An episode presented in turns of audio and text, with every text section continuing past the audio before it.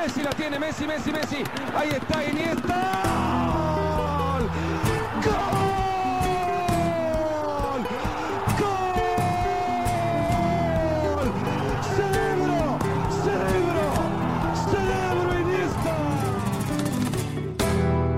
Hey, ik ben Rob Schoofs, middenvelder van KV Mechelen en een grote fan van het Spaanse voetbal. Ik luister wekelijks naar Croqueta, de voetbalpodcast van Friends of Sports over La Liga. Ik denk na afgelopen weekend dat iedereen wel weet wie dat er kampioen zal spelen in Spanje. Maar ik ben wel heel benieuwd hoe dat de Spaanse teams het in eh, de Champions League nog kunnen verder zetten. Ze zijn alvast goed op weg. Hopelijk dat we toch minstens één team in de, in de Champions League finale zien binnenkort. Dus eh, er staat nog van alles te gebeuren de komende weken. Dus eh, ik ga het zeker blijven volgen.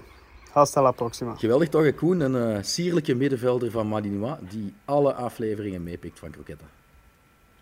Ja, fijn om te horen. Ik had gezien dat hij al af en toe eh, de berichten liked op Twitter. Alles, hij om- alles. Hij liked alles, ja. ja fijn, fijn om te horen. Ja, hij is duidelijk fan van het eh, Spaanse voetbal. Eh, hij zou er volgens mij ook zijn draai kunnen vinden hè, bij, bij teams pakweg à la Espanyol. en misschien zelfs Valencia. Wat denk je, Koen? Rob Schoofs en Tissoudali samen naar Los Che? Eh, ja, ik denk dat hij daar wel bij een middenmotor zijn plek zou hebben op, eh, op middenveld. Eh, Als je hem moet vergelijken met, met een gekende middenvelder of zo in de Spaanse competitie, wie zou je dan uitpikken? Hmm, Canales? Ja, Heb ik ik vind Canales? ook wel zoiets. Ja. Canales. Of zo wat de, de snellere versie van Dani Parejo, zoiets. Ja, Parejo speelt lager, vind ik. Ja, maar ik en, denk en dat meer vanuit zijn misschien, hoe ouder hij wordt, misschien ook meer naar die positie zal, zal toegroeien. Maar Swat, hij ligt nog onder contract bij Mechelen tot 2024. En even benadrukken dat hij me daar wel gelukkig lijkt, achter de kazerne. maar we zijn wel van mening dat er eh, ja, steeds meer goede Belgische voetballers naar Spanje mogen verhuizen. Hè. Sowieso. Yes. Oké, ook nog even mij eh, excuseren, want ik heb amper stem. Dat valt misschien een klein beetje op. Het is ofwel een eh, beginnende griep, ofwel pollen, ofwel covid, maar ik denk van niet. Ehm pollen, dat denkt mijn echtgenoot. Heb jij daar soms last van, van de pollen Nee, nooit. Nee? Ja. Maar ik heb wel nu, eh, mijn vriendin is hier ook eh, al een goede week ziek met griep. Eh, dus ik acht de kans eigenlijk groter dat het, dat het griep is. Misschien moeten we er ook bij vertellen dat ik niet bij u zit. nee. En dat het via een of ander Omdat jij ook nieuwe op vakantie ging, wilde ik die vakantie voor jou niet verpesten door je te besmetten. Dank u wel, dank u wel. Maar ik voel me dus miserabel. Koen, jij misschien ook wel na de 0-1 nederlaag van Barça thuis tegen Cadiz van, van gisteren? Eh, ja, het was niet de, de meest prettige vijfdaagse als Barça-supporter. Eerst die, die uitschakeling in de Europa League en dan nu dit. Maar ik had na die uitschakeling, uitschakeling in de Europa League, en vooral ook die, eh, die wedstrijd van Real Madrid zondagavond, voor mij was het seizoen eigenlijk voorbij. De titel is weg, die Europa League, waarvan ik eh, nog wel gemakkelijkheidshalve van uitging dat Barça dat wel ging winnen, ja, is ook weg. Dus ja, wa- waarom spelen ze nog? Ja, voor, voor eh, die plek in de top 4 vast te houden. Dat zal nu wel lukken, denk ik, maar ja, gisteren was echt een. eh, Maar je een spreekt nu over je persoonlijke decompressie. Hè? Zag je dat ook bij Ja. de spelers tegen Cadiz? Want een soort gebrek aan motivatie nu er niks meer te rapen valt? Mm, Ja, misschien bij sommigen. Allee, ze, ze worden ook niet geholpen door eh, de blessures en de schorsingen. Plots moet dan Lenglet weer opdraven. Pedri, die, die dit seizoen niet meer in actie komt. Alles moet van Ousmane Dembélé komen. Dat was eigenlijk de enige die gisteren op de afspraak was. Ja, ik weet, ik weet het niet goed. Ik weet niet met welke, met welke drive ze nu nog spelen. Het is, het is jammer, want, want er was een mooie reeks opgebouwd onder, eh onder Ja, zeven op En één nu- volgende zegens in La Liga. ja, niet meer verloren sinds december. Om dan thuis onderuit, onderuit te gaan tegen Cadiz, die, die nog volop strijden voor het behoud. Ja, dat is, dat is Ja, maar misschien moeten we ook wel wat respectvoller praten over de prestatie van Cadiz. Want die speelden uitgekiend, intelligent eh, en hadden ook, ja, dat maakt het misschien nog pijnlijker, de betere van de kansen. Ja, ja, zeker. En voor de topploegen is dat, een, is dat een heel lastige ploeg om tegen te spelen. Ik weet, die zijn vorig jaar ook gaan winnen op, eh, op Real Madrid. Hebben er dit seizoen gelijk gespeeld.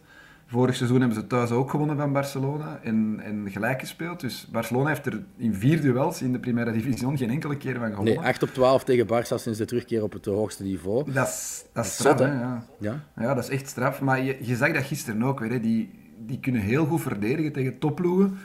En die komen er af en toe nog gevat uit. Dus ja, het is, het is niet eens dat ze het, dat ze het keihard gestolen hebben gisteren. Nee, maar vanaf de eerste minuut nam eh doelman Ledesma wel eh, uitgebreid de tijd om het spel eh, te lanceren. Er werd getrakteerd op een streamend fluitconcert, maar ontpopte zich wel tot de absolute uitblinker. Hè. De Argentijnse keeper stopte de acht ballen die hij moest verwerken. Eerder stopte hij er al eens negen tegen Real Madrid dit seizoen. is de Primera Division dan toch de keeperscompetitie bij uitstek? Ja, dat is echt niet... Als ik die gast zie, dan weet ik, oh, die gaat vandaag weer onklopbaar zijn.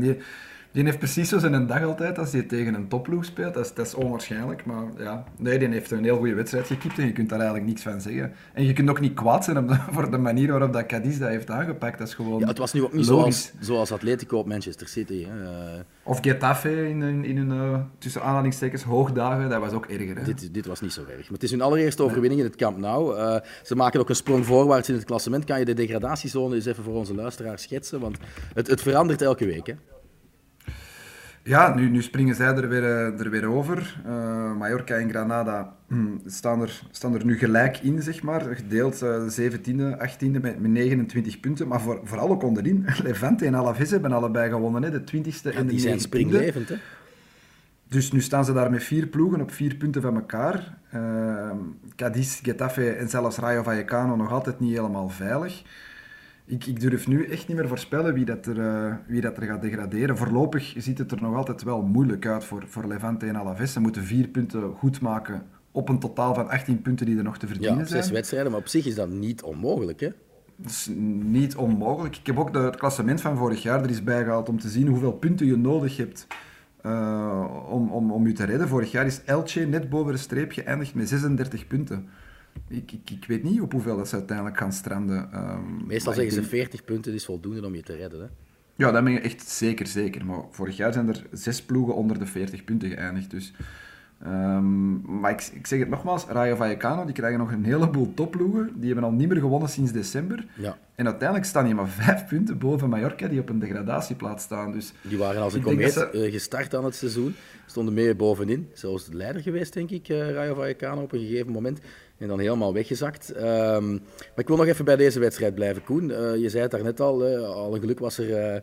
Ousmane Dembélé, die uh, ja, zowat de enige was die er wat zin in leek te hebben. Het lichtpunt in de duisternis. Hij lijkt me gisteren toch wel vooral rechtsvoetig in plaats van linksvoetig, hè?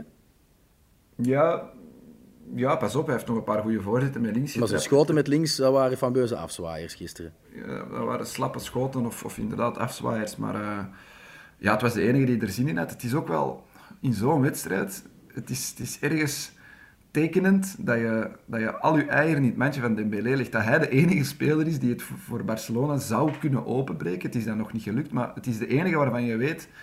Ja, die heeft de sleutel in handen. En het is wel ver gekomen als hij een speler is die dat de voorbije jaren één niks heeft bewezen, altijd geblesseerd was.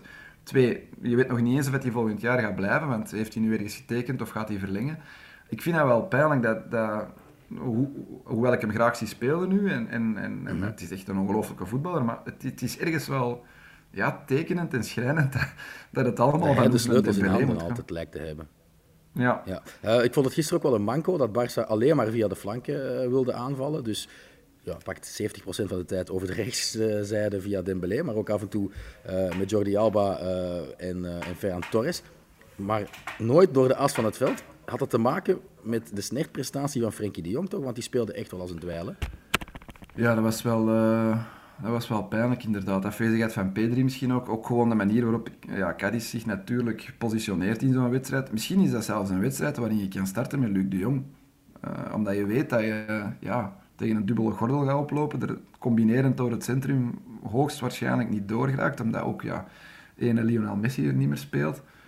Ja, ik, ik, vond, ik vond het misschien wel een, een merkwaardige uh, ja, basisopstelling. Op Memphis Depay, sorry, de keren dat hij de laatste maanden mag spelen, overtuigt hij mij ook nee, niet meer. Nee. Dus, Werd ook terecht gewisseld. ja. Ja. ja.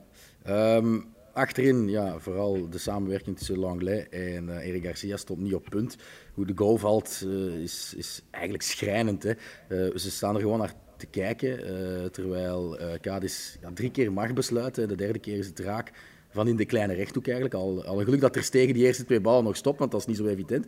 Maar dan zowel Langlais als Eric Garcia uh, weigeren een reactie in huis te hebben. Uh, is Piqué dan achterin echt onmisbaar, of toch vooral de geschorste Araujo die er nu niet bij was? Ja, beide. Hè. Je ziet dat, dat, Eric Garcia nog wel niveau kan halen als hij naast een van die twee gasten staat. Uh, zoals bijvoorbeeld nog in, in, in de Classico. Maar ja, Langlais die, die, die, die, ja, die trekt zo'n gast als Eric Garcia ook gewoon mee naar beneden in een, in een soort uh, middelmatigheid. En um, ja, Garcia had natuurlijk al geen de beste match gespeeld tegen Frankfurt. Trekt dat nu gewoon door. Maar ja, ik vermoed dat Langley ook gewoon weggaat. En, ehm, Ja, en die, die speelt dat- ook ik met, denk dat de Arau- op het lijf, hè, Clement Langley. ja, ja, begrijpelijk. Hè. Vorige week nog die, die penalty weggegeven als ze mocht invallen tegen Levante. Dan, ja, dan verschijnt zijn track record sinds hij bij Barcelona zit. Rode kaarten, penalties weggegeven, eh flaters. Ja, dat is wel een serieuze waslijst.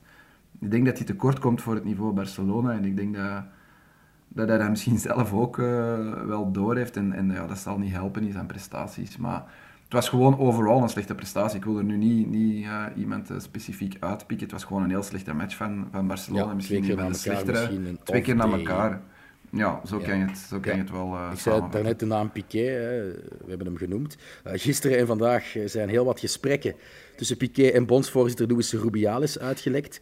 Piqué ging gisteren dan in de tegenaanval, gisteravond na de wedstrijd, op de beschuldigingen van El Confidencial in de zogenaamde Supercopa-files via Twitch. Eh, ik wil de beste quote even bovenhalen eh, van ehm, ja, dat eh, interview met Juan Macastaño van eh, Radio Coppe, die echt nog wel Piqué het vuur aan de schenen probeerde te leggen. Eh, Piqué zei het volgende. Al in 2019 zijn we open geweest over de commissies die Cosmos, zijn bedrijf dus, opstrijkt. Cosmos werkt ook met de UEFA, met de FIFA, met de ATP. Het enige wat illegaal is, is het uitlekken van de audiotapes. Dat eh, is weinig christelijk op paasmaandag. Eh, hand in eigen boezem, dat zat er niet bij, bij Piqué. Nee, maar ja, technisch gezien heeft hij waarschijnlijk gelijk. Eh, het, was geen geheim dat, dat zijn bedrijf mee die, eh, ja, die hervorming van die Supercoppa had, had eh, onderhandeld. Er waren gesprekken met Miami, met Qatar. Het werd uiteindelijk Saoedi-Arabië. Ik denk dat we dat, toen dat, dat nieuws bekend raakte hier in de, in de podcast daar heel kritisch zijn over geweest. Waarom ga je in godsnaam de Supercoppa 1 hervormen? En twee, die dan in Saoedi-Arabië afwerken? Dat slaagt helemaal nergens op. Maar ja, oké dat, dat was toen zo. Blijkbaar heeft dat bedrijf van, van Piqué daar een, eh, een commissie op onderhandeld van... eh, 24 wat is het? miljoen? Ja, zes, eh, ja, 4 miljoen eh, per jaar, denk ik. En dan gedurende zes jaar, Ja. zoiets was het. Ehm, ja, dat is, dat is absurd. Maar ja, je- dat- blijkbaar is Piqué daar gewoon al heel veel mee bezig. Die Davis Cup in het tennis Ja. net hetzelfde. Ja, ik, Is je kan je ook de vraag stellen hoe Nee, Piqué dat allemaal ja. bolwerkt in een werkweek, waar hij eigenlijk ook de focus op zijn ploeg moet hebben. Hè? Ja, en dat hij dan toch nog af en toe een, eh, een grote prestatie kan neerzetten op het veld. Ja, Ehm, we mogen ook niet vergeten, hij heeft ook de Rakuten-sponsoring gefixt voor Barcelona. Ja. De Spotify-deal, ja, misschien heeft hij daar met vrouw Shakira ook wat liggen gladstrijken. Eh, zijn team Andorra FC, met de voormalige assistent van Kike Setien als T1, staat op een zucht van promotie naar de Segunda. En dan is hij Dat nog is vol een bak bezig met hervormingen in het tennis. Dat, dat kan gewoon niet in een werkweek, denk ik. Dat moet toch ook Nee. schade berokkenen aan zijn professionalisme, zijn ingesteldheid, zijn, zijn, ja, zijn hoofdbezigheid moet Barcelona zijn. Ik denk dat dat op zich niet kan. Nee, dat is het opmerkelijke aan, aan heel dit verhaal. Hè, dat hij nog ja, actief voetballer is. En, en dat hij met die Davis Cup bezig is en met andere dingen. Ja, à la limiet. Eh, dat hij al met zijn post-voetbalcarrière... eh, dat hij daar al aan het werken is. En, en, en blijkbaar is hij er ook gewoon heel succesvol in. Want ja, je moet een kat en kat noemen. Als zakenman, businessman, is hij wel een schoon imperium aan het uitbouwen. Ja, toekomstige je ook van Barcelona, hoogstwaarschijnlijk. dat je dat kan combineren met, met je actieve eh, ja, voetballersloopbaan, dat vind ik wel echt heel straf. En, en ja, er waren nu ook in, dat, in, dat, in die gelekte audio's waren er zo wat denigrerende opmerkingen over, eh, tussen Rubiales en Piqué, denigrerende opmerkingen over Atletico Ja. en zo bij. Ja, dat is wel allemaal, dat is wel allemaal vreemd natuurlijk. Eh. Maar blijkbaar is het wel allemaal effectief legaal. Dat kan, maar is het ethisch? Voilà. Is het ethisch Ja, correct? Een voetballer maar die die op vraag- hoog ja, niveau die meer beslissingen neemt die andere teams, andere spelers beïnvloeden. Hè? Ja, ik vind van niet. Maar die vraag is hem niet gesteld en daar heeft hij dus ook niet op moeten antwoorden. Eh, nee, ethisch is het niet, maar legaal is het wel. En effectief, het enige dat waarschijnlijk illegaal is, is het, eh, is het stelen, want ze zijn gestolen, die audiofiles. Hè. Er is, er is een, Ja, een dat hack zegt hij zelf, geweest. ja, dat, dat zegt ook de, de Spaanse voetbalbond. Ze hadden daar al voor gewaarschuwd dat er waarschijnlijk files gingen gelekt worden naar de media. En in een, in een soort van communiqué hebben ze naar de media laten verstaan van ja, gelieve daar alsjeblieft niks mee te doen. Maar Eh, kom, dat kan je heel confidentieel toch niet ver, ver- Nee, nee, nee, tuurlijk niet. Tuurlijk niet. Dat is de plicht van de journalistiek. Ja, Ehm, dit moet, maar nogmaals, de ik denk dat dat... volgens ja. mij ook gewoon halen. Hè? Ik bedoel, het is Ja, maar het is illegaal verkregen. Nee, maar, maar de files zijn illegaal verkregen. Dus aan zich kan je hier Piqué eh, puur juridisch waarschijnlijk heel weinig maken. Eh, Maar heeft zich niet populair gemaakt heeft bij Nee, nee, nee, clubs. Want Real, Barça werden weggezet als de grote clubs en dan de andere als de kleintjes. Dat zit ook een beetje scheef, vind ik, bij mijzelf. 8 miljoen voor Real, 8 miljoen voor Barcelona voor deelname aan die Supercoppa.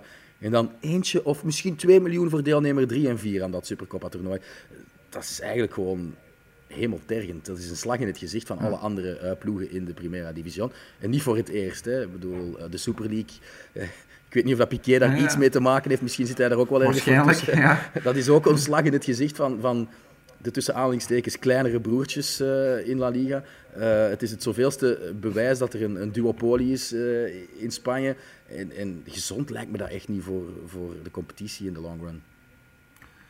Nee, nee, het is, is ja, dit, daarmee dat ik ook zeg, ja, ethisch kan je dat allemaal niet noemen, fraai is het niet, maar jammer genoeg wellicht wel legaal. Ja. En um, ja, daar heeft Piqué zich dan wel, ik snap dat hij zich wil verdedigen. reputatieschade hebben Koen bij de eigen aanhang? Ja, ik stuurde dat gisteren naar u van, ja, als hij nu vanavond in beeld komt, of, of ze, ze, ze hebben hem niet gevonden. Hem nee, ze hebben hem niet gevonden, maar hij zal er waarschijnlijk wel geweest zijn, dat hij dan eens een keer uitgefloten wordt. Maar jij vertelde mij dat, dat heel veel socio's van Barcelona daar echt absoluut ja, niet mee bezig zijn. Het enige wat die onthouden is, is zijn hè, claim van ik voetbal gratis voor de club van mijn hart. Dat is het enige wat, ja. wat zij belangrijk vinden.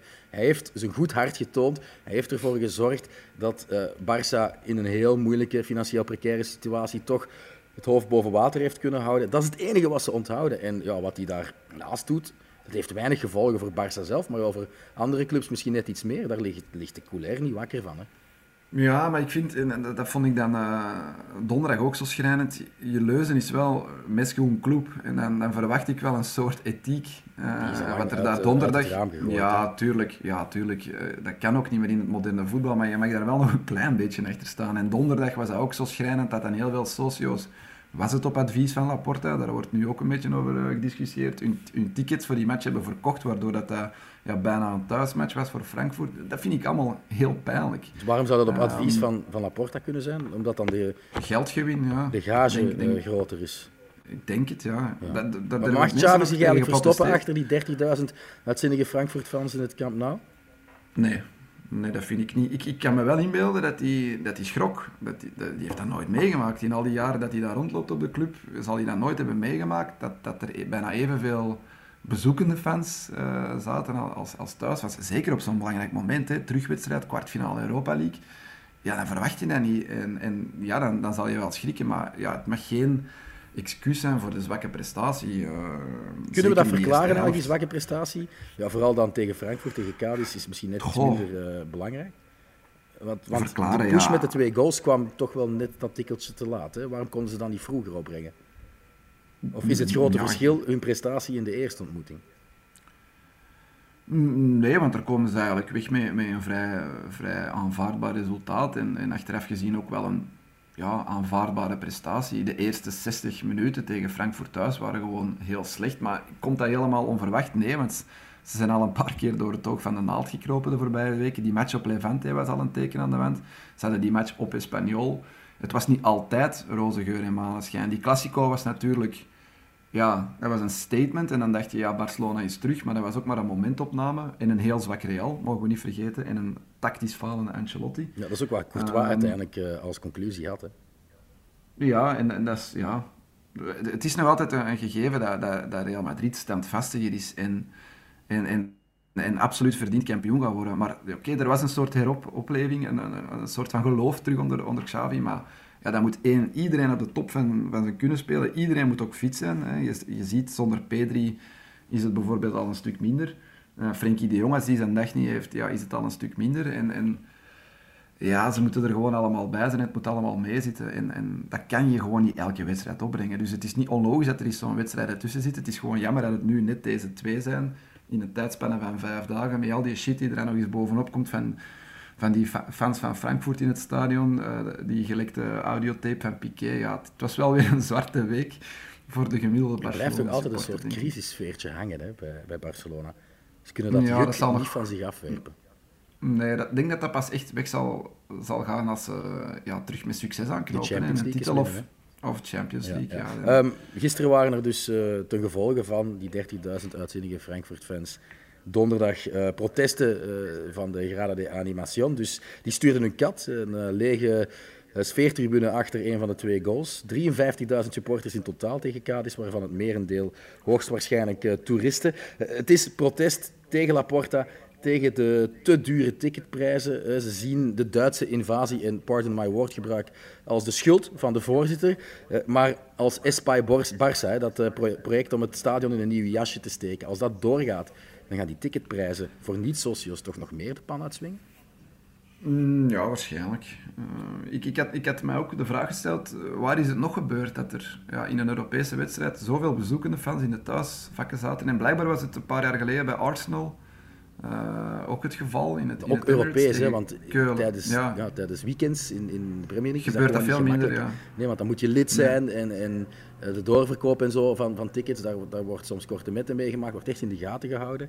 Maar ja, in Spanje is dat gewoon bon ton. Hè. Uh, ticketswap en al die dingen. Ja, socios bieden gewoon hun, hun, hun, vrijgekomen zitjes aan als ze eens, uh, zelf een wedstrijd willen skippen. En ze betalen maar is ook, ook geen vijandigheid of zo? Nee, nee ja. ze betalen ook wel redelijk veel geld. Dus het is ook hun, hun voorrecht om af en toe eens een, een, een zeteltje te verpatsen aan een woekerprijs, aan een winstmarge, ja, die je eigenlijk gewoon niet kan negeren.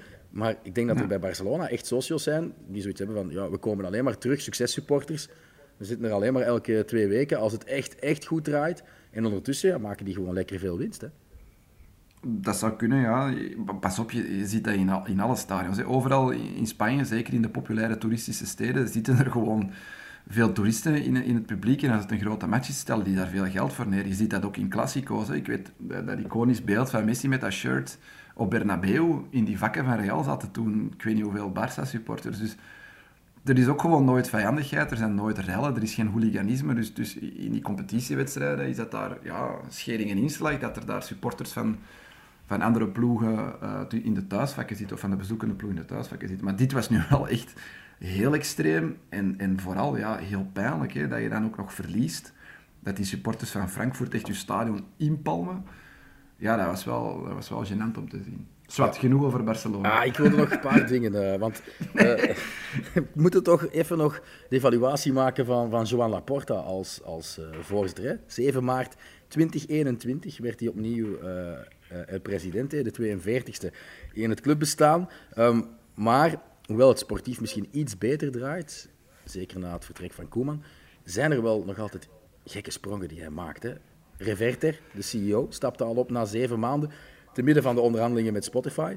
Um, jij vond het niet zo heel raar, maar ik vind het ontzettend raar. Het was uh, iemand van, uh, van onze volgers op Twitter, Jannik, die, die me daarop patent maakte. Sinds deze maand heeft um, Barcelona een head of scouting aangesteld, die ik nog nooit, van zijn naam had ik nog nooit gehoord. Paulo Araujo, geen familie van. Um, Deco zou hem eigenlijk deze job hebben bezorgd, want ik heb het ik heb het opgezocht op Reddit, uh, pas tien maanden geleden, zou hij een opleiding tot scout hebben gevolgd. En het enige op zijn cv tot dusver is advisor voor Burnley FC. Dan denk ik, ja, what the flying fuck gebeurt er allemaal in de achterkamers van Barcelona, dat die ja, toch een, een, een belangrijke, misschien zelfs de belangrijkste functie uh, binnen die club heeft. Hè? Want hij zal ook jeugdscouts moeten leiden. Hè? En, en waar haalt Barça zijn successen? Op La Masia, waar ze van op zeer jonge leeftijd al de beste voetballertjes van Spanje gaan plaatsen. Hè? Ja, maar ik vraag me af in hoeverre dat, dat zo'n kerel... Allee, ik vind dat ook raar, hè, maar... Dat, dat Advisor voor Burnley, hè. Burnley gaat zakken uit ja. de Engelse eerste competitie spelen het minst Barcelona-voetbal van Engeland. En die gaat dan hm. even, uh, dankzij zijn uh, goede band met Deco, Connecties. naar, naar, ja. uh, naar Barça. Ja. Doet me een beetje ook denken aan de aanstelling van Patrick Kluivert als ja, hoofd van de jeugd of hoofd van de academy. Ook dat was vreemd. Met dat was... verschil... Ja, Kluivert heeft er gevoetbald, is een grote naam in het voetbal. Dat is een groot verschil. Maar had ook niet echt een, een cv om, om, om van achterover te tuimelen. Dit is ja, geen grote naam, maar heeft misschien nog een slechter, slechter cv. Ja, we zullen zien. We moeten die mensen uh, moeten een kans geven. Ja, van de, ja. ja, we moeten een kans geven en het voordeel van de twijfel. Um, maar oké, okay, dat daar vragen bij worden gesteld. Dat snap ik wel, maar ik denk dat dat wel schering en inslag is bij, bij veel topclubs en zelfs bij uitbreiding bij, bij alle voetbalclubs, dat er daar links en rechts vriendjes en connecties en, en dat soort dingen gebeuren. Het blijft een schimmige wereld. Het blijft zeker een vaste ja, schimmige okay. Over schimmig gesproken, we kunnen perfect het luikje arbitragemissers aansnijden nu. Um, ja. Ja, Real Madrid zette tegen Sevilla zondag geschreven situatie totaal recht, won nog met 2-3. Een 2-0 achterstand eh, goed gemaakt Dankzij goals van Rodrigo Nacho en de onvermijdelijke Benzema. De voorsprong op nummers 2, 3 en 4 is 15 punten. Maar Koen, er was achteraf heel veel te doen over de missers van de ref en de VAR. Quadra Fernandes maakte geen goede beurt. Vertel eens wat er allemaal misliep. Ja, in mijn ogen twee, twee cruciale missers. Hè. Eerst moet hij bij een 2-0 stand in minuut, van was het 40-41, Camavinga altijd van het veld sturen met een tweede gele kaart. Hij geeft daar zelfs geen overtreding. Uh, terwijl het uh, echt... Ja, ja wordt gewoon getorpedeerd, hè. Je moet er geblesseerd afstellen. Ja. Ik denk dat dat de duidelijkste Die heeft wel geel gekregen wegens protest. Ja, Um, dus ja, dat is natuurlijk al wel redelijk wedstrijdbepalend. Ancelotti houdt Camavinga uiteraard, uh, zoals hij het al vaker met Casemiro deed, houdt hij hem tijdens de rust in de kleedkamer. En zijn vervanger scoort dan vijf minuten na de, na de rust uh, de aansluitingsteffer. En dan scoort Vinicius, uh, wat is het, 20 minuten voor tijd de gelijkmaker. en wordt hij zelfs...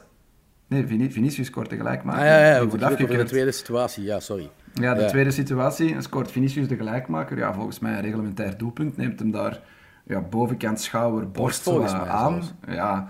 En dan, dan geeft hij handspel, wat ik nog kan ja, begrijpen dat je dat denkt in een, in een, in een flits. Maar dan gaat hij naar, naar het scherm kijken, naar de monitor, naar de, en op, op, op aanraden van de VAR. En dan blijft hij bij zijn standpunt. En dat, ja, dat is gewoon compleet van god los. Maar oké, voor Real had het geen invloed, want ze winnen toch nog. Um, maar ja, nu achteraf voelen dan beide ploegen zich uh, benadeeld door de scheids. Maar dan ja, moet je dan in de weegschaal gaan leggen en dan denk je dat een rode kaart in minuut 40 ja, wel zwaarder opweegt dan een afgekeurde gelijkmaker in minuut 70. Maar pff, ja, het was gewoon... Ja, ik, ik, snap daar niks meer van, dat dat, dat, dat kan. Ik weet wel, allez, ik snap wel dat voor die tweede gele kaart van Camavinga, ja, er kan de VAR niet intussen komen. Dat is ook zo'n hiaat in dat systeem. Want dat staat in de regels, dat je niet mag ingrijpen bij een gele kaart. voor geel. Ja, ja dus, dus ja, daar, daar, ja, de scheidsrechter dat dat niet ziet en, mee dat, de bal gespeeld wordt. Want wie stond er nog naast Camavinga? Was er nog volk terug of was het toch een doorgebroken speler uh, neer? Nee, het was geen doorgebroken speler. Rechtstreeks rood was dat nooit. Ik zeg het, dat was een heel duidelijke gele kaart. Geen rechtstreeks rood, dus nee, dat kan daar niet komen. Niet even gewoon kan zeggen van voor ons is het toch wel een tweede geel. En ook op basis daarvan hem misschien naar het scherm kan sturen. Ja, effectief. Okay. Dus ze maakte geen uh, al te goede beurt. Opnieuw. Uh, we hadden het hier trouwens vorige week over de gouden pik van Xavi. Dat, dat gaat niet meer op, denk ik. Uh, maar die van Ancelotti, dat is een pik van wel 30 centimeter. Dat moet waanzinnig oncomfortabel zitten in de broek van de Italiaan. Maar je wordt zo kampioen en maakt nog goede kans ook om de Champions League te winnen. hoe is Real er eigenlijk in geslaagd om zich toch voorbij Chelsea te wurmen? Hè? Want de eerste ontmoeting grandioos, fantastisch gespeeld. Maar ze hebben wel angstzweet gehad hè, in, de, in de return. Ja, die eerste ontmoeting kon beide kanten uitgaan, vond ik. Was Real zeer klinisch. Tweede ontmoeting, ja, worden ze eigenlijk zoals tegen PSG ja, lange tijd tureluurs gespeeld. Uh, eerst wordt het 0-3 nog afgekeurd, nadien telt hij toch. En dan ja, staan ze zoals altijd op uit de doden. Op een of andere manier vinden ze ja, een weg naar dat doel. En, en dit keer was het een, een, een fabelachtige paas van uh, Luka Modric op Rodrigo. Dus opnieuw Rodrigo, die, die ja, een vrij onzichtbaar seizoen speelt tot nu toe. En nu twee keer uh, een belangrijk doelpunt maakt in, in, uh, in minder dan een week tijd. En dan gaan ze, er, gaan ze erover in de verlengingen. Je voelde ook in die match nu op Sevilla, na die 2-1, ze gaan hier weer overgaan. Hè. Dat gaat hier weer gebeuren. En tegen Chelsea, na die 1-3, die echt, echt uit de lucht kwam vallen, wist hij gewoon, ja, die gaan doorstoten. Hè. Die gaan dat hier weer afmaken. Dat is, uh, ik denk dat ik het een kat met negen levens heb genoemd op Twitter. Ik kan het niet beter omschrijven. Dat is gewoon Real Madrid op dit moment. Dat is dus Man City, Man City ja. uh, die, die, die zijn gewaarschuwd. En, ja. en, die liggen er misschien wel uit in de halve finale tegen die Real. Nee, ik verwacht opnieuw dat Man City die match gaat domineren. 90% van die, van die wedstrijd het laken naar zich gaat toetrekken. Maar ja, je mag Real nooit afschrijven tot het echt gedaan is. Uh, dus ze gaan, ze gaan een zeer comfortabele voorsprong moeten uitbouwen om zeker te zijn. Want eigenlijk kan je tegen Real ja, nooit zeker zijn van, uh, van de overwinning. Had je Real zijnde liever tegen Liverpool in, in die kant van uh, de tree gezeten dan, dan nu tegen Man City? Liverpool heeft Man City net geklopt, hè? En ja, maar was dat met, hun sterkste, met de sterkste elftallen? In die het was in de halve finale van de beker. Uh, heeft Man City een B-elftal? Denk ik niet, hè? Nee, nee, ja, de Bruyne was gekwetst. Hè. Maar was er gekwetst um, uitgevallen? Niet? Nee, dat was in de wedstrijd tegen uh, Atletico. Atletico, ja. Ja, ja. die heeft niet gespeeld dit weekend. Ja, nee, het, het zijn denk ik... Uh, ja, ik zei het, hè, samen met Bayern zijn Liverpool en Man City op dit moment waarschijnlijk de sterkste ploegen. Bayern ligt er al PSG, uit. Ja, Bayern ligt er al uit. PSG heeft, heeft Real al, allee, die hebben die er al uitgeknikkerd. Dus ja, we zitten nu in die fase van het toernooi waarin Real altijd opstaat. Dus, dus um, ik zou zeggen dat ze de underdog zijn, maar ik, ik, geef, ze, ik geef ze wel een kans ja. tegen Manchester en City. Met of zonder Eden Hazard in de return? Um, well, misschien gaat hij wel tijdig fietsen, maar dan, dan, gaat hij hooguit... Ja? ja, ik zou zeggen hooguit een selectie halen, maar zelfs dat is inderdaad niet... Nee. Nee, dan kan hij uh, uh, misschien wel blijer zijn uh, in de kleedkamer achteraf als er gefeest wordt, als ze de scalp van Manchester City hebben gepakt. Want Garrett Bale die stond er wat beteuterd bij te kijken hè, na de overwinning tegen Sevilla. Ja, ik heb dat beeld ook gezien in de kleedkamer. Ja, die mannen voelen zich niet meer betrokken. Hè. Ja, Hazard nog wel, denk ik. Hè. Hazard, voel, ja, Hazard heeft nog wel vrienden Die ligt goed in de groep, uh, die toont ja. zich zeer professioneel. Is ook een van de beste vrienden, denk ik, in de selectie van Karim Benzema. Um, dus, dus, uh...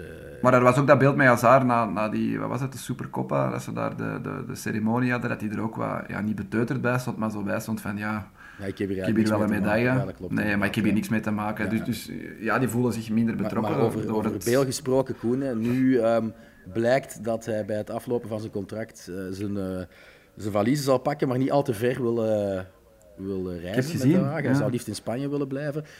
Wat is het ideale team voor Garrett Bale op dit moment? Zou, zou Ja, Atletico een soort Suarezje kunnen doen? denk het, ik, ik zie die echt ontploffen bij een Atletico. Dat hij daar echt nog één, twee seizoenen alles kapot speelt. Um, ja, ik was aan het denken, welk ander team... Ja, Barcelona gaat, gaat hem niet halen. Welk ander team kan zijn loon betalen? En dan ja, denk je dat je alleen bij Atletico uitkomt. Heel misschien Sevilla of ja, Betis. maar Sevilla, maar dan moeten die al... Is niet van mening om op die leeftijd nog iemand te gaan halen als die nul doorverkoopwaarde heeft. Hè. Dus, uh, In een monstercontract, hè. Ja, dus, ja. Uh, uh, het zou wel leuk ja. zijn als hij zijn keuze laat afhangen van de beste golfbaan in de buurt van, van de voetbalclub waar hij voor tekent. en dat hij eventueel aan halve, een half loon of zo bij Mallorca of weet ik waar terecht Ja. komt. Het leven naast het voetbal is zeer belangrijk voor, voor de Welshman. Uh, Jury de Vuist, collega, uh, ex-collega van jou, huidige collega van mij bij Eleven, die wilde graag weten waar we Karim Benzema plaatsen in de all-time ranking van, uh, van Real. Um, het is moeilijk, want Real hangt ook altijd een beetje romantiek aan vast. Hè. Ik denk, hij heeft nu uh, de blonde pijl, uh, die Stefano nu ook ingehaald in La Liga qua aantal doelpunten. Uh, ik, ik, kan me zelfs de vraag stellen of Benzema al een groter clubicoon is dan Ferenc Puskas. Waarschijnlijk wel, maar je zet hem toch nog, denk ik, achter Cristiano Casillas en Raúl. Goh, ja, ik vind dat ook altijd heel moeilijk. Dat zijn andere tijdperken, andere, maar als je gewoon andere op gevoel profiel, andere spelers. Op gevoel, ja, op gevoel moet je zeggen, is Cristiano Ronaldo de grootste die ze hebben gehad. Maar die, die, die Stefano en Puskas, ja, dat is... Uh, ik weet niet hoe ze toen hebben gedaan, maar ze wonnen toen elk jaar Europa Cup 1. Uh, scoorden ook uh, honderden doelpunten. Ja, kan je dat vergelijken? En Casillas en Raúl zijn de echte clubjongens, dus... Ja. Allee, Maar hoe je dat er ook misschien al kan zien 12 is- jaar natuurlijk, maar... Gaat er ooit een stadion, het, de naam van een van die spelers die we net hebben vernoemd, gaat hij dat ooit, ooit hebben? Hè? Zoals je die Stefano eh, hebt voor, voor het B-elftal, ga je dat ooit krijgen met Ronaldo Nee, of Casillas of Raúl Lyon of zo, of dat, Benzema? Ze, dat ze het stadion van Olympique Lyonnais naar Benzema gaan vernoemen. Eh, Nee, of zelfs Maradona in Napoli, dat, dat, dat, soort status, dat soort status heeft hij natuurlijk nee, nog niet. Ik denk, Ehm, ik denk dat Cristiano Misschien hebben we binnen Ronaldo- 50 jaar Cristiano Ronaldo dat ook gewoon gaat aanvechten dan als het eh Bernabeu het Karim Benzema stadion wordt genoemd binnen dit en 50 jaar. En Ronaldo zal nog wel leven tegen dan, want die onderhoudt zich eh, heel erg goed. Eh, de hamvraag is niet meer wie er kampioen wordt in de Primera Division, maar wel wanneer worden ze kampioen. Koen, want ik zag eh, veel Kitremalidis het ook tweeten. Ik dacht dan dat er te weinig rekening gehouden werd met Atletico en, en Sevilla, maar het kan hè, dus dat ze komende zondag kampioen worden. Ja, in het hypothetische geval dat ehm, het is een midweekspeeldag, iedereen speelt. En dan Barcelona speelt zondag een, een inhaalmatch eh, tegen Vallecano. Als Barcelona in die twee wedstrijden minder dan, dan 3 op 6 pakt, ehm, dan kan Real eh, zondag kampioen worden. Maar ik denk dat ook Atletico dan punten moet laten liggen, want Atletico, eh, als die op 15 punten blijven staan met nog vijf speeldagen te gaan, ja, die zouden nog over Real kunnen gaan, want die hebben nog een onderlinge wedstrijd begin mei. Maar dan moeten ze beter doen dan de 2-0 nederlaag op Bernabeu. Ja, dus als Atletico niks meer dan... winnen en niks meer punten pakken. Je Dan moet moet Atletico, Atletico alles winnen. winnen. Ja, Atletico, dat Ja, gaat niet dus, dus het, het, zou, het zou zondagavond na die inhaalwedstrijd van Barcelona eh, ervan uitgaande dat Barcelona eh Maar je een verwacht van de niet twee wedstrijden niet wint. op 8 mei in het Wanda Metropolitano wanneer Real Madrid bij Atletico op bezoek komt. Want nee, ik verwacht de speeldag ertussen. Dus eh, de, ja, de 35e speeldag, dat is dan eh, het weekend van 30 april, 1 mei. Dan spelen ze thuis tegen Espanyol, als ik me niet vergis, Real Madrid. Ik denk dat ze het in die wedstrijd eh, zullen en afmaken. dan in het Wanda Metropolitano een eh, dubbele rij gevormd door de Atletico-spelers bij opkomst. Eh, Ja, dat is wat de traditie voorschrijft. Ik ben benieuwd of Simeone.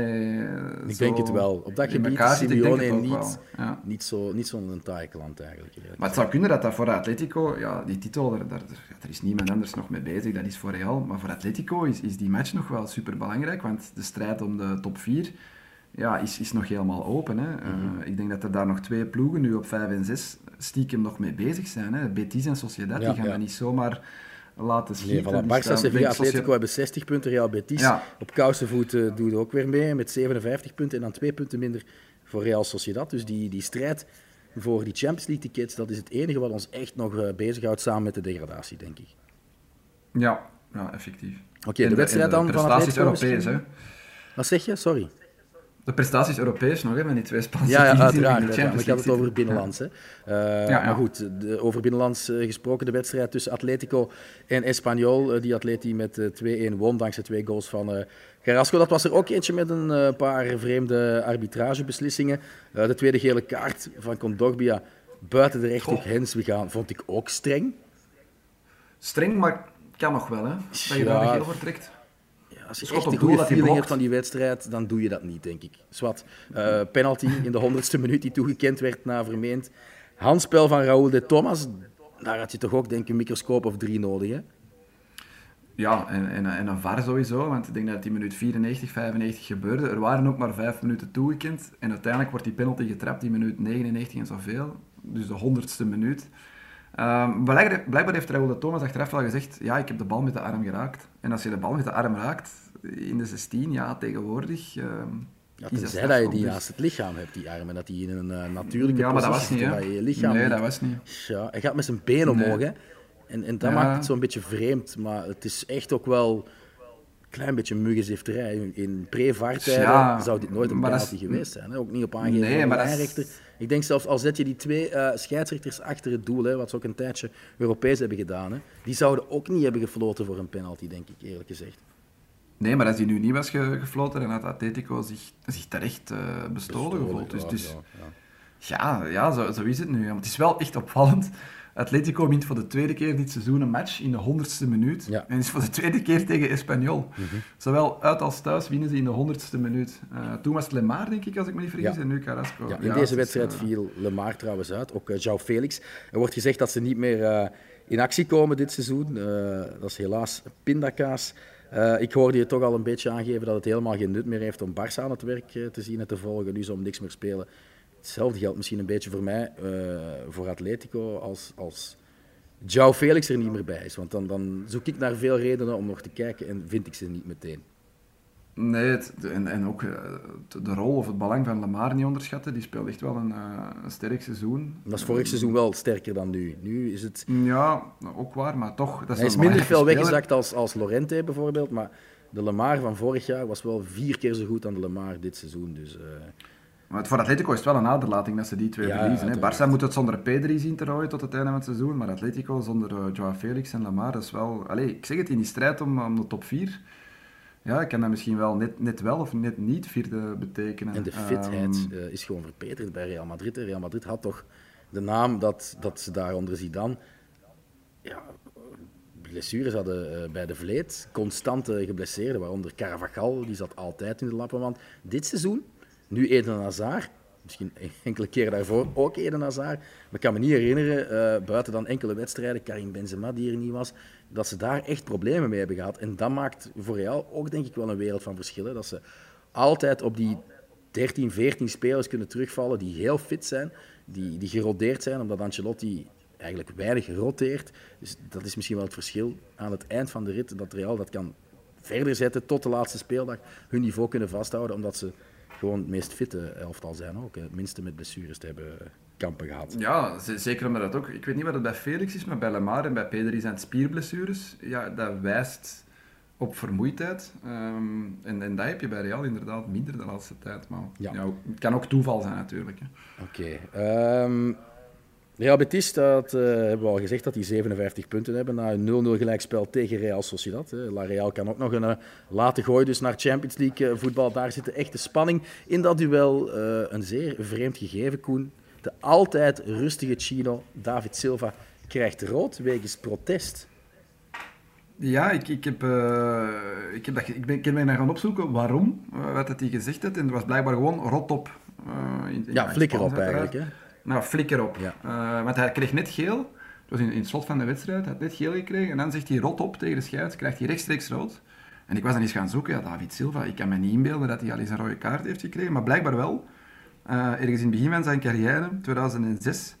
Met Valencia tegen Sevilla. En dan uh, stond bij, bij Valencia um, Santi Canizares nog in doel. En Fernando Morientes in de spits. Zo lang is het geleden. het is de tweede rode kaart in 700 matchen voor... voor een voor zeer David Silva. Dus. fijne Fantastisch. Maar ze gaan in protest. Ze gaan in, ah, ze gaan in beroep, of Ja, hij krijgt twee speeldagen en ze vechten het aan. Ja, één speeldag zal wel, zal wel volstaan. Het is nu ook niet dat hij uh, de, de moeder van de betreffende scheidsrechter uh, heeft nee. uitgeschoten of zo. Dus uh, goed, Villarreal, die staan nog altijd zevende. Het verschil met Real Sociedad is eigenlijk ook niet meer te overbruggen. Uh, het team van uh, Unai Emery won zaterdag wel met 1-2 van Getafe. Het uh, speelt trouwens vanavond opnieuw thuis tegen Valencia. Maar het wist wel Gerard Moreno, weer een, een sleutelspeler die geblesseerd uitvalt bij een team dat niet Real Madrid is. Hamstrings dacht ik ook, dat zou ook enkele weken kunnen duren, dat ze geen beroep kunnen doen op hun allerbeste speler. Maakt dat een groot verschil tegen Liverpool, met of zonder Moreno? Ja, uiteraard. Het is de talisman. Um en ja, ik, ik, ik, hoop dat hij erbij is, maar zoals je zegt, hamstring, het is binnen tien dagen al, als ik me niet vergis. Hij wordt wel krap voor die heenmatch. En zelfs die terugmatch lijkt me, lijkt me vrij onrealistisch dat hij dat zal halen. Ik wou, ook nog zeggen, de, de, top 7 nu in Spanje, dat is, dat is de, de top 7 van vorig jaar. Hè. De kans is groot dat dezelfde zeven teams Europees voetbal gaan spelen uit Spanje. Maar de posities die nu vastliggen, dat zijn niet dezelfde, vermoed ik. Hè? Want Atletico uh, stond ah, nee, Atletico, uiteraard. 5, 6 en 7 misschien wel. Hè. Betis, Sociedad, Villarreal, dan moet ik nog eens dubbel checken. Maar nou, Betis was vijfde. Nee, Betis was 6 en Sociedad ja. vijfde. Ja. En, uh, en Villarreal uh, 7. En nee. Sevilla 4. Ja, Sevilla is altijd vierde. Okay. Goed. Uh, moeten we nog iets kwijt over hun twee matchen tegen Bayern? Want indrukwekkend hoe ze het uh, daar hebben geflikt. Villarreal, vooral thuis, vond ik ze zeer sterk, zeer gedurfd. absoluut niet achteruitleunend en, en toeslaan op het juiste moment. Hadden daar misschien met 3 of zelfs 4-0 kunnen winnen van, uh, van Bayern. En dan een uh, geslepen Villarreal in de Allianz Arena, die uh, het laken toch ook naar zich toe heeft getrokken. Met, met Raúl Albiol, die, die zijn, wat is het, in de herfst van zijn carrière terug een, een jonge twintiger lijkt. onderschatte pion, denk ik. wat moeten we daar nog over kwijt? Want het is een sprookje, hè, Villarreal. Ja, het is, het is nog straffer dan hun Europa League winst tegen Man United. Het is denk ik de strafste prestatie in hun bestaan. Uh, ik bedoel, Bayern München uitschakelen, niet eens onverdiend. Het is wel de tweede keer in hun bestaan dat ze in de halve finale zitten natuurlijk. Ja, maar toen schakelden ze geen topploegen uit. Nu schakelen ze Juventus. Ik heb dat nog eens uh, gecheckt onlangs. Daar zaten Rangers tussen en, en ik weet niet welke ploeg nog. Uh, nu, nu zijn het Juventus en Bayern München. Dat is wel, ja, dat is wel redelijk straf. -hmm. maar ja, ze moeten het nog eens flikken om in de finale te geraken. En dat zou dan het strafste zijn natuurlijk ooit. Dat ze in de, in de finale van de Champions League raken. Ja. Maar opnieuw zijn ze zwaar de underdog tegen Liverpool. Dat denk ik ook. Dat denk ik ook. Uh, maar Liverpool is wel defensief uh, iets meer te pakken dan, uh, dan de voorbije jaren. Al speelde tegen Benfica, ik, ik was daar aanwezig, ehm, speelde Virgil van Dijk niet. En dat, dat is ook wel een wereld van verschil natuurlijk. Maar Matip Konaté, daar moet een Danjuma wel, eh, wel iets, iets tegen kunnen, kunnen betekenen. Uh, we hebben al kort, Koen, het over uh, ja, de laatste in het klassement gehad. Hè, Alaves en Levante. Alaves klopte dus Rayo Vallecano met 1-0. Uh, eh, Levante klopte Granada met 1-4. Opnieuw met een scorende uh, José Luis Morales. Deugdoende overwinning. Wel een overwinning die Ruben Torresia als T1 van Granada de kop kostte. Dat is de derde trainer bij ehm, de Andalusiërs, nadat Robert Moreno al eerder zijn C4 kreeg. Uh, ondertussen werd Aitor Caranca aangesteld als uh, hoofdtrainer. U wel bekend, Koen? Als, uh, ja, legende van Real Madrid. Hè? Ja, Athletic Club en Real, een verdediger. Ook assistent geweest onder José Mourinho in zijn periode bij ja. Real Madrid. Trok daarna over het kanaal om coach te worden bij Borough, bij Nottingham Forest en Birmingham. Maar ik denk dat hij wel succesvoller als tv-analyst is dan als coach. Want was altijd uh, vaste uh, praatgast bij La Liga TV. Uh, kunnen we misschien concluderen dat het een betere aanstelling is dan die van Tony Adams enkele jaren geleden, toen Granada ook in degradatienood zat? Ja, dat, dat, dat, zal moeten blijken. Hè. Het is wel... Ja, het is moeilijk om eer te halen nu bij Granada. Hè. Ze, ze, ze, verliezen net die, die, die match tegen, tegen Levante. Vrij, vrij kansloos en pijnlijk.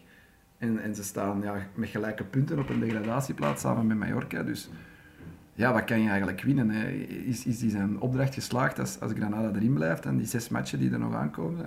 Hij heeft meer te verliezen dan te winnen, heb ik de indruk. Ja. Uh, Tony Adams trouwens, uh, mocht u dat hebben gemist enkele jaren geleden, we willen zeker op onze uh, Twitterpagina nog eens dat geweldige filmpje van zijn opwarmoefeningen tonen. Ik denk dat Andreas Pereira zich dat ook nog altijd kan heugen. Het was een rare aanstelling. Hij was er eerst sportief directeur, als ik me niet vergis, en dan werd hij toch nog T1. Uh, omdat hij daar gewoon aanwezig was en de juiste credentials had. Maar uh, Tony Adams, ja, uh, drankgebruik en consorten hebben van hem misschien een schertsend figuur gemaakt. Maar wel natuurlijk een van de beste verdedigers aller tijden van het Engelse voetbal. Er is een midweekspeeldag.